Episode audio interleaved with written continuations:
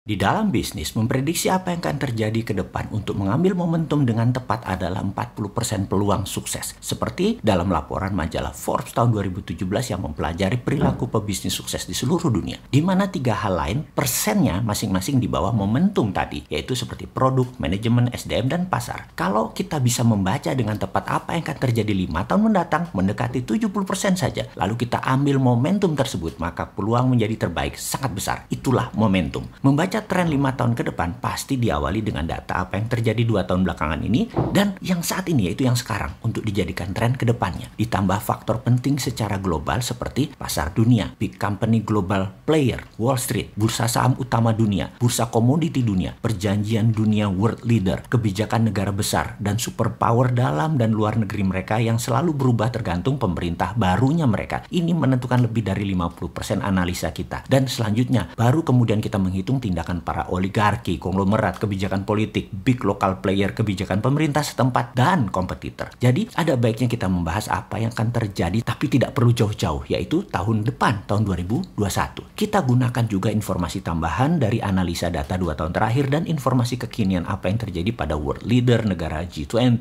G2, yaitu Tiongkok Amerika, perusahaan top 500 Forbes, dan 100 leader bilioner. Ini bisa membaca apa yang akan terjadi di tahun 2021 setidaknya secara tren pendekatan terdekat untuk kecenderungan tren pasar dan produk. Berikut 8 tren yang harus diperhatikan di tahun mendatang tahun 2021. 1. Perebutan vaksin semakin memanas. Ketika vaksin pertama tersedia dalam jumlah banyak, fokusnya akan bergeser dari upaya heroik untuk pengembangan ke tugas yang sama beratnya yaitu mendistribusikan. Diplomasi vaksin akan menyertai pertengkaran di dalam dan di antar negara mengenai siapa yang harus mendapatkan dan kapan serta distribusi vaksin ini kontrol stok logistiknya siapa dan ini semua bisa menjadi political tool tahap kedua. Vaksin jadi alat tawar, bukan dagang lagi. Di sisi lain akan ada dugaan reaksi negatif di awal vaksin adalah memperhitungkan berapa banyak orang yang akan menolak vaksin ketika ditawarkan. Kalau ternyata banyak, mereka lebih percaya imunitas natural untuk melawan COVID, maka bisa dipastikan vaksin transaksinya tidak semulus dugaan pedagang farmasi cita-citakan. Dua, pemulihan ekonomi yang beragam pada setiap negara. Ketika ekonomi awal bangkit kembali dari pandemi, pemulihan akan tidak merata karena wabah lokal dan tindakan lockdown setiap negara, misalnya Eropa, Asia, Afrika, semua beda-beda dan tidak bareng. Mereka on off juga di sisi pemerintah yang membantu mempertahankan perusahaan besar agar terus beroperasi untuk tetap membuka lapangan pekerjaan menjadi solusi pemerintah di banyak negara. Maka korporasi besar akan mulai dimanja pemerintah setempat dan mereka manja beneran, aji mumpung. Mereka tahu inilah peluang diri mereka dimanja pemerintah agar bisa membantu pekerja yang telah kehilangan pekerjaan mereka. Pastinya akan menimbulkan kesenjangan antar perusahaan yang kuat dengan pengusaha UKM yang jadi lemah. Gap perbedaan akan semakin lebar. Tiga, ketegangan Amerika dan Tiongkok tetap berlanjut. Berapa banyak yang menebak Joe Biden yang akan dilantik ke Gedung Putih? Banyak. Oke, pastikan kita putuskan sekarang. Joe Biden deh. Dalam memperbaiki tatanan internasional berbasis aturan yang mulai runtuh, perjanjian iklim Paris dan kesepakatan nuklir Iran adalah tempat yang jelas untuk memulainya. Sepertinya karena Obama dan Hillary adalah orang di belakang Biden dan mereka semua adalah pencipta ISIS dan gerakan penggoyang kemapanan di banyak negara dengan terorisme, maka jangan berharap Biden membatalkan perang dengan Tiongkok. Melihat apa yang dilakukan tim Demokrat dan tim kepresidenan dalam beberapa hari persiapan jabatan mereka nanti. Saat ini sudah banyak di berita,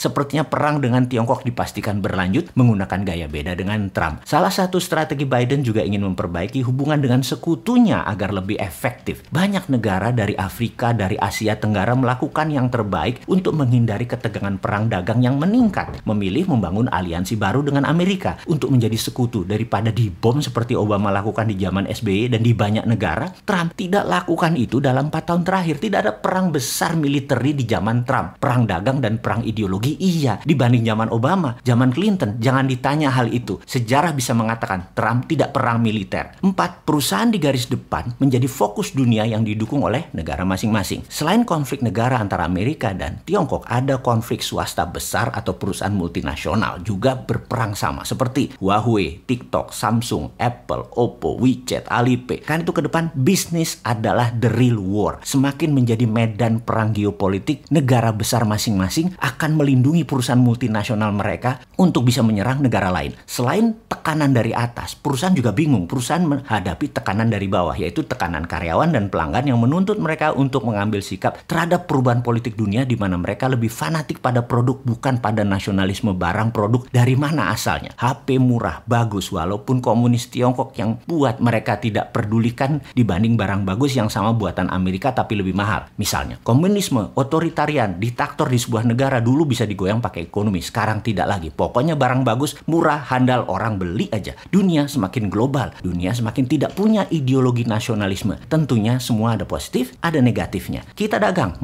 manfaatkan yang positifnya. 5. Setelah tech acceleration atau dunia karena efek COVID terjadi percepatan mengadopsi teknologi. Pada tahun 2020, pandemi mempercepat adopsi banyak perilaku teknologi dari konferensi video hingga belanja online hingga kerja jarak jauh serta pembelanjaan jarak jauh menjadi tren yang naik ratusan persen. Pada tahun 2021 akan menjadi semakin ke arah digital sehingga perilaku off-air atau acara darat menjadi tidak akan seperti zaman sebelum pandemik. Berubah dan ke depannya makin berkurang termasuk bisnis dan pendidikan dalam hal ini. 6. Pariwisata internasional belum bisa berjalan baik. Pariwisata akan menyusut dan berubah bentuk dengan lebih menekankan pada perjalanan domestik. Maskapai penerbangan, jaringan hotel, dan produsen pesawat terbang akan kesulitan pada jalur internasional. Pertukaran budaya juga dipastikan terpukul. Juga tempat wisata yang jauh dari pusat keramaian atau terbatasnya infrastruktur tidak akan laku. 7. Pengangguran tidak tertahankan meningkat. Efek work from home ternyata membuat perusahaan tetap produktif dan menyadari bahwa selama ini perusahaan ternyata over employee. Jadi 80% perusahaan dunia karena efek work from home mengurangi banyak jumlah karyawan hingga rata-rata 20% di seluruh dunia dan mereka tetap produktif. Juga banyak UKM yang kena masalah keuangan karena UKM Indonesia kebanyakan adalah reseller dan trading di mana teknologi menjadikan jualan via digital lebih efektif serta berkurangnya trading import serta dagang antar kebutuhan domestik yang diambil oleh marketplace besar membuat banyak UKM mengurangi jumlah karyawan karena membelokkan pemasaran dari manual ke digital marketplace. Dunia retail food, beverage juga banyak yang mengurangi outlet digantikan sistem delivery. Ini menambah tingginya angka pengangguran. 8 acara publik belum bisa maksimum. Salah satu contoh bagaimana publik event di tahun yang akan datang seperti acara-acara olahraga tidak pakai penonton, termasuk olimpiade, expo, exhibition, conference, summit, music, event, film industri, karnaval, festival, dan banyak pertemuan politik, olahraga lainnya, dan acara komersial jumpa darat lainnya menjadi tidak bisa diselenggarakan atau tidak semua akan berhasil mendatangkan pengunjung. Sahabat, sebagai informasi tambahan 8 tren ini ada banyak informasi pentingnya ada di video naratif Vision 2030 yang terbaru yang saya sangat sarankan Anda sahabat semua untuk menontonnya. Demikian info singkat 8 tren tahun 2021. Semoga bisa jadi tambahan informasi atas apa yang akan terjadi di tahun depan sampai tahun 2022 sebagai patokan arah. Selamat ambil momentum.